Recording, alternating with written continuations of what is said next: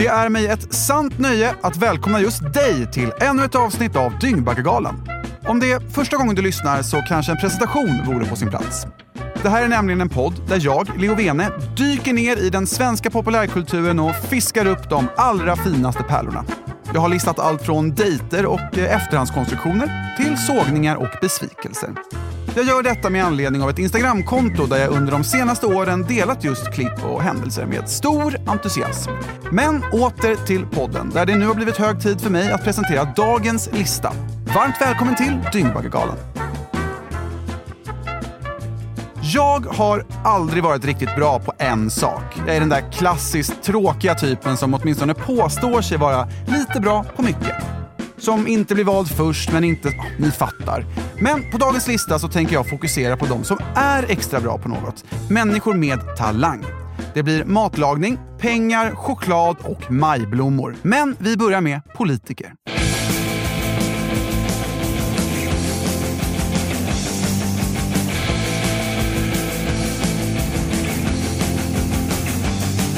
Våren 2015 så väljs Ebba Busch till partiledare för Kristdemokraterna. Hon lyckas trots sviktande opinionssiffror leda sitt parti till ett succéval 2018. Det talas om en Ebba-effekt och hon blir snabbt en av landets mest omtyckta politiker. 2020 så är läget lite annorlunda och eh, efter ett festande i pandemitider och ett infekterat husköp så pratas det desto mindre om en positiv Ebba-effekt. Men inför riksdagsvalet 2018 så har Kristdemokraterna en idé om att införa en litterär kanon i skolan. Kanon är ett religiöst uttryck som betyder grundläggande rättesnöre. Man vill helt enkelt att ungdomar och inte minst nyanlända invandrare ska integreras med hjälp av svenska litterära klassiker. Med anledning av detta så gästar Ebba den 15 november 2017 Sveriges Television och Aktuellt för att prata om just vikten att ha koll på den svenska litteraturens klassiker. Du har ju föreslagit att skolan ska införa en litterär kanon. Mm. Alltså en lista över böcker som alla elever ska läsa och det här skulle också kunna vara ett, eh, ett sätt att integrera nyanlända i Sverige. Och nu ska vi testa lite dina litterära kunskaper. Oh. Ja, hur står det då till med dessa kunskaper? Har Ebba någon talang för svensk litteratur? Vi har tre frågor här. Vem har skrivit eh, Gösta Berlings saga? Det står faktiskt helt still. Ah, jag vet, det är jättejobbigt när man får en sån här fråga. Nej, jag har ingen bra gissning. Ska det vi prova med nästa? Still. Eller vill du att jag ska säga det? Ja, det tycker jag. Nu får jag passa Lagerlöf. på att bilda mig här. Ja, såklart. Ja, du kan säkert någon annan av Selma Lagerlöf? Ja, eh, till exempel Jerusalem. Just det, ja. Se, det var bara att vi valde fel fråga. Giftas? Nej, vi...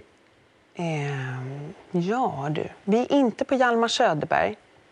Men vi säger det för sakens skull. Dr. Mm. Glas är jag väldigt förtjust Ja, fast det var inte det. Ja. Men det håller jag med dig om. August Strindberg. Ja, såklart. Och den tredje, Gentleman. Ingen av de här tre har jag läst. Jag tror att jag får lov att lägga på de här på min egen, egen lista. Det är, en, det är en ledamot av Svenska Akademin som har skrivit den. Nej. Claes Östergren. Mycket bra. Jag tar med Vi de lämnar de där tråkiga ja, frågorna. Det. Ja, det är naturligtvis ingen som förväntar sig att en partiledare ska kunna rabbla Sveriges alla litterära verk utan till. Men det är å andra sidan ett rätt orimligt och framförallt mossigt krav på en nyanländ också. Choco, choco, chocolata. Choco, choco, chocolata. En annan talang är ju naturligtvis förmågan att uppfinna saker. Bland de främsta svenska innovationerna återfinns bland mycket annat Tetra Pak, lättbetong och skiftnyckeln. 1916 så grundas den svenska chokladfabriken, AB Chokladfabriken Marabou, av norrmannen Johan Trone Holst. Ett varumärke som står sig starkt än idag. Och något som också står sig starkt, ja det är Aladdin-asken som introducerades av just Marabou 1939 som en lite folkligare ask med praliner. Och det är väl svårt att argumentera emot just askens folklighet. Bara under julhelgen så uppges man sälja inte mindre än 3,5 miljoner Aladdin-askar. Och det var under en av dessa julhelger, närmare bestämt 2014, som Jennifer från Helsingborg blottade sin talang. Under mellandagarna gjorde Jennifer Eriksson i Helsingborg en makalös upptäckt i en Paris chokladask. Jag vill bara att ni ska observera ordvalet makalös. Här är iakttagelsen som kommer att förändra alla jular framöver. Det var i måndag som hon besökte sin mormor och morfar och med sig hade hon den klassiska chokladasken. Efter middagen var det dags att öppna asken och det var då den häpnadsväckande upptäckten gjordes. Jag var ganska mätt så att jag liksom satt och pillade på locket och tittade på chokladen och sådär. Och sen så helt plötsligt så bara ser jag Ja, men vad är det hon ser? Känner ni också stämningen liksom stiger? Vad är det för makalös, häpnadsväckande upptäckt som Rebecca har gjort? Vi lyssnar nu så helt plötsligt så bara ser jag att det är en sån här liten flapp där uppe. Eh, och då så testade jag att vika upp den. Och när jag såg att det gick att vika upp den och när jag såg att det var ett, ett hål nere i själva asken så fattade jag direkt att det liksom var ett lås för att kunna stänga chokladasken. Eh, och jag blev alldeles exalterad och jätteglad, himla chockad. För det är liksom, paradisasken har man ju haft ända sedan man var liten. Och man har liksom alltid undrat varför finns där inget lås på den eller varför går det inte att stänga den så att den liksom blir nere. Så när jag äntligen hittade det, då blev jag liksom så här, oj. Oj, ja det må jag säga. Sedan julen 2014 så är ingenting sig likt. Hur tror du att det här kommer att påverka framtida jular för er del? Det är väl någonting som jag kommer fortsätta berätta för folk i alla fall. Jag kommer nog eh, liksom berätta att ja men det var jag som kom på det. Ja, fast nu var det ju kanske Marabou som kom på det, men vad fan. Kommer ni ihåg Anil? Vad tror du jag kom ifrån från början? Colombia kanske, chilenare, Du Venezuela. har sagt typ hela. Jag ska... Nej, hela. Nej, det finns fler namn. Uruguay finns också. Uruguay finns också. Shit. Duktig på geografi. Nej, jag är duktig på det mesta faktiskt. Jag var duktig i skolan. Trogna lyssnare kommer kanske ihåg att jag redan i tredje avsnittet utlovade en comeback efter Anils medverkan i Första dejten. Inte det? Nej, nej, okej. Första dejten var i alla fall inte Anils första försök på kärlek i tv. Nej, året dessförinnan så testade Anil nämligen lyckan i Ensam mamma söker. Ni vet programmet där ensamma mammor dejtar ensamma killar. Och dejtande kan ju faktiskt vara en talang i sig. Men Anil har betydligt fler strängar än så på sin lyra. Något han inte var sen med att berätta om på en gruppdejt. Ni då? Dolda talangen och så vidare. Jag var väldigt duktig på att spela schack. Faktiskt en av Sveriges bästa. Men eh, ingen mer som har dolda talanger? Jag glömde faktiskt en. Jag pratar flera språk. Ja. språk. Svenska, bengaliska, hindi och urdu. Hindi är ju indienspråk. Och sen så hade man ju det spanska från eh, både grundskolan och gymnasiet. Jag var väldigt duktig på det. Men sen när man inte pratar det efteråt, Nej, vet. tappar man ju det ganska bra. det, ja. Försöker återuppta det där och så kommer man igång med det. Och lära franskan, då har man liksom halva världen täckt där på något Ja, sätt. ja. Så var jag faktiskt ganska duktig på friidrott. Väldigt duktig faktiskt. Eh, då var det, du sprang kanske 11 sekunder på 100 meter och längdhopp och höjdhopp och allt det där. Men det släppte jag också. Eh, och då sa alla människor på det, men du är ju galen alltså, det är grymt. Du, du tränar inte så här. Jag bara, nej. Men eh, upp till bevis då. Du har inte funderat på att ta upp det då? Vad tror du springer idag? Jag tror det blir för sent faktiskt. Vi kan, vi kan köra rush 100 meter får vi se. Ja, absolut. Jag är på det. Det är lätt att låta mycket, men han blev lite orolig när vi ställde upp. Jag är alltid tävlingsinriktad. Allt jag går in i vill jag alltid vinna. Det är all in som gäller. Det finns inget annat. Anil, vad hände? Vad som hände var att Anil kom sist. Men det är väl inte så noga. Bra jobbat! Shit, ja, nej, jag halkade lite efter. The best things in life are free, but you can give them to the birds and bees. I need Något som verkligen är en talang, ja, det är att kunna hålla i och framförallt förvalta sina pengar. Inte minst så här inför stundande löningshelger som åtminstone i vanliga fall kan vara en utmaning. I programmet Ung och bortskämd så drillas bortskämda ungdomar i utmanande hushållssysslor såsom att hänga en tvätt och laga middag. En riktig talangfabrik med andra ord. Som 2016 också lärde oss hur man blir rik. För att inte bli fattig så, så gäller det att man, man är smart. Eh, man kan ju eh, bli rik istället. Ett återkommande recept på framgång och rikedomar är ju annars det här med utbildning. Men det är ju naturligtvis inte för alla. Emil från Kopparberg till exempel, som 2019 köpte sitt drömhus och gav svar på tal. Vill man bo, flytta hemifrån så ser man till att man får jobb. Och vill man se till att man får jobb så väljer man att vara hantverkare och inte plugga i 15 år innan man skaffar ett jobb. Det är såklart man inte flyttar hemifrån innan man är 35 då, men och jag tror mycket handlar om att eh, man måste prioritera. Så där har ni det gott folk. Antingen så blir ni rika eller så börjar ni jobba som hantverkare. Men kom ihåg att prioritera.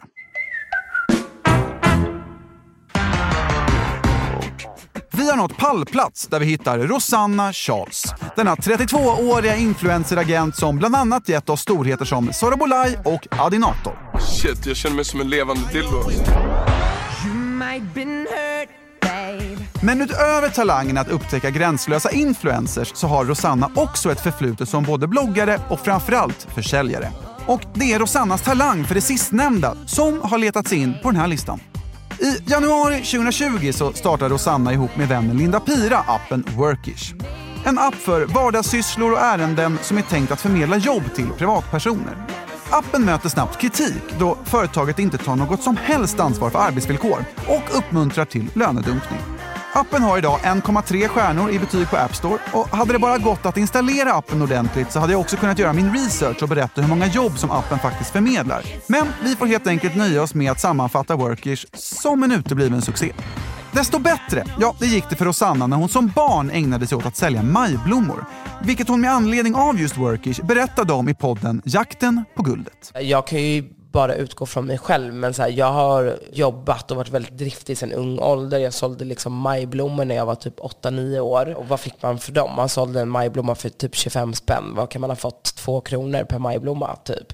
Jag sålde alltså, så mycket majblommor att han som ägde det i hela Sverige erbjöd mig att ta över det, för att han var så gammal. Så han ville att jag skulle ta över hela liksom, företaget. Men min mamma var så här, du är alldeles för ung. Liksom. Du kan inte vara nio år och typ äga ett majblommebolag. Alltså, är så sjukt. Så att jag, jag har varit väldigt driven av pengar sedan ung ålder och så här, um, Om det är så att nioåriga Rosannas chef tyckte att hon gjorde ett så pass bra jobb att hon, en vacker och kanske äger ett eget majblommeföretag, eller faktiskt erbjöd henne stiftelsen Majblomman, som överhuvudtaget inte går att ge bort, det låter vi vara osagt. En talang är alldeles oavsett en talang. Matlagningsprogram, ja det är ett av vår tids mest uppskattade tv-format. Att laga mat är en konst, ja, en talang om man så vill, som tagit plats både i tävlingar och morgonstudios. Ett annat uppskattat tv-format är datingprogram. Och som vi redan kunnat konstatera tidigare i den här podden så är ju även dejtande en talang. Så naturligtvis så lagas det mat även i datingprogram. Och 2009 sökte mjölkbonden Roger från Ljusterö kärleken i Bonde söker fru och ville då överraska sina dejter med just matlagning. Jag Har väl inga större erfarenheter av matlagning. Det är ju morsan då, brukar sköta matlagningen. Så jag tror att tjejerna kommer bli lite överraskade. Och som en liten aptitretare så passade Roger också på att ge oss sin topp tre. Matlagning topp tre. Det jag tycker jag kan. Så på tredje plats är det snabbmakaroner. Koktid tre minuter. Brukar få helt perfekt. Eh, På andra plats är det pyttipanna, mamma Scans. I stekpanna då. Och på första plats är det att koka ägg då. Och då ska de inte vara för lösa och inte för hårda utan de ska vara lite kladdiga i mitten men inte så de rinner. Men nu, mina damer och herrar, jag ger er Fadde. Varsågod Fadde. Och dagens första plats. Dörrvakten Fahid Darvic och dokusåpastjärnan Linda Rosing träffas på en golffest i Tyresö 2004 och blir blixtförälskade. Man blir snabbt Fadde och Linda med hela Sverige och under några stormiga år under 2000-talets mitt så hinner man både göra slut, förlova sig, göra slut igen, nästan gifta sig och säga upp bekantskapen. Relationen får sig ett definitivt slut 2007 när Fadde häktas misstänkt för grovt skattebrott och Linda avslutar en intervju med Aftonbladet genom att demonstrativt ta av sig ringen och säga de bevingande orden “Nu vill jag göra porr”. Linda har idag gift om sig och bor i Djursholm. Jag kan känna mig anonym här. Jag, är, jag blir en i mängden. Det bor många andra kändisar här. Det är inget, jag sticker inte ut. Det tycker jag är jättefint. Medan Fadde äger en för 19-åringar populär restaurangkedja i Stockholm. Fördelen med att äga sin egen restaurang, ja, det är att man kan göra lite som man vill. Och därför bestämde sig Fadde 2010 för att arrangera standup-kvällar med sig själv. Något han inte bara annonserade utan också demonstrerade i TV8s talkshow Aschberg. Ja, premiär. Då ska jag börja med att berätta om min 14-åriga dotter Vanessa som är väldigt, väldigt nyfiken tjej som många andra tjejer i hennes ålder. Hon ringer till pappa väldigt ofta och pratar om vad hon har fått läsa om i tidningen. Hon tycker bättre om att få höra själv vad pappa säger. Eh, vad brukar det stå om pappa? Ja, det är väl därför lämnade jag Fadde. Därför åkte Fadde ut. Faddes nya veckodam och så vidare. Va? ja. Hon ringer till pappa. Hej pappa, mår du bra? Mår du bra? Det är alltid två gånger. Ja, jag mår bra. Jag mår bra. Ha, hur går det med dina tjejer då? ja, det går bra. Okej. Okay. Ja. Efter ett tag så ringer hon igen. Hej pappa. Hon har alltid en anledning självklart när hon ska ringa. Vad ska du göra idag? Äh, jag säger vad jag ska göra. Har du hittat någon ny tjej? Nej. Men Vanessa, du, ring, du frågade ju samma sak sist du ringde. Ja, men det var ju flera timmar sedan. ja. Det är mitt liv, liksom att uh, i media vilka jag varit tillsammans med, hur många jag varit tillsammans med, vem jag varit tillsammans med och så vidare. Min mamma, hon är mindre road självklart för vad jag har fått komma med i media. En mamma som får läsa om sin son vad... Om vi flyttar in dig lite i lampan ah, här förlåt, så förlåt. syns du. Ah, okay. Tack så mycket. Ah, du ser. Ah, ja, precis. Ah, men du vet, jag är dörrvakt va? så att jag rör på mig ganska mycket. Så. Jag vill alltså påminna alla om att det här är en stand-up. Och för att göra det lite roligare så är faktiskt en av de fyra gästerna i studion Ebba Busch. Men det är ju ändå fredag, så vi ger Fadde ett par minuter till. Uh, hur som helst, jag satt hemma hos mamma här och fikade igår tror jag det var. Och hon hade någon bekant som satt där och från där jag kommer ifrån. Jag kommer ifrån Syrien, ett land i Mellanöstern. Vi satt och diskuterade, tjejer, och uh, fram och tillbaka. Och uh, mamman då tyckte att nu får det fan med vara nog alltså. Din nästa tjej blir din sista tjej. Jag orkar inte läsa mer om dig och dina jävla förhållanden. Ja, på vårt språk då. Det kan inte jag ta upp för er. och där satt ju den här mannen då som är granne med mamma. En manlig bekant som är i 60-årsåldern. Han säger till mig, brorsan. Ja, kan jag kalla mig för brorsan. Jag som är strax över 40 då. Du måste lyssna på din mamma. Du kan inte bara hålla på så här med tjejer. Fram och tillbaka. En dag här med henne, nästa dag med henne. Du måste bestämma dig. Jo, jo, jo. Men jag kan inte rå för att, uh, att tjejerna gör fel. Det är inte mitt fel. Ja, men du kanske borde åka till Syrien och hämta en. Åk dit och hämta en från vårt folk. Du kan inte vara tillsammans med en från Sverige, du förstår. Det är inte du som knullar dem, det är de som knullar dig.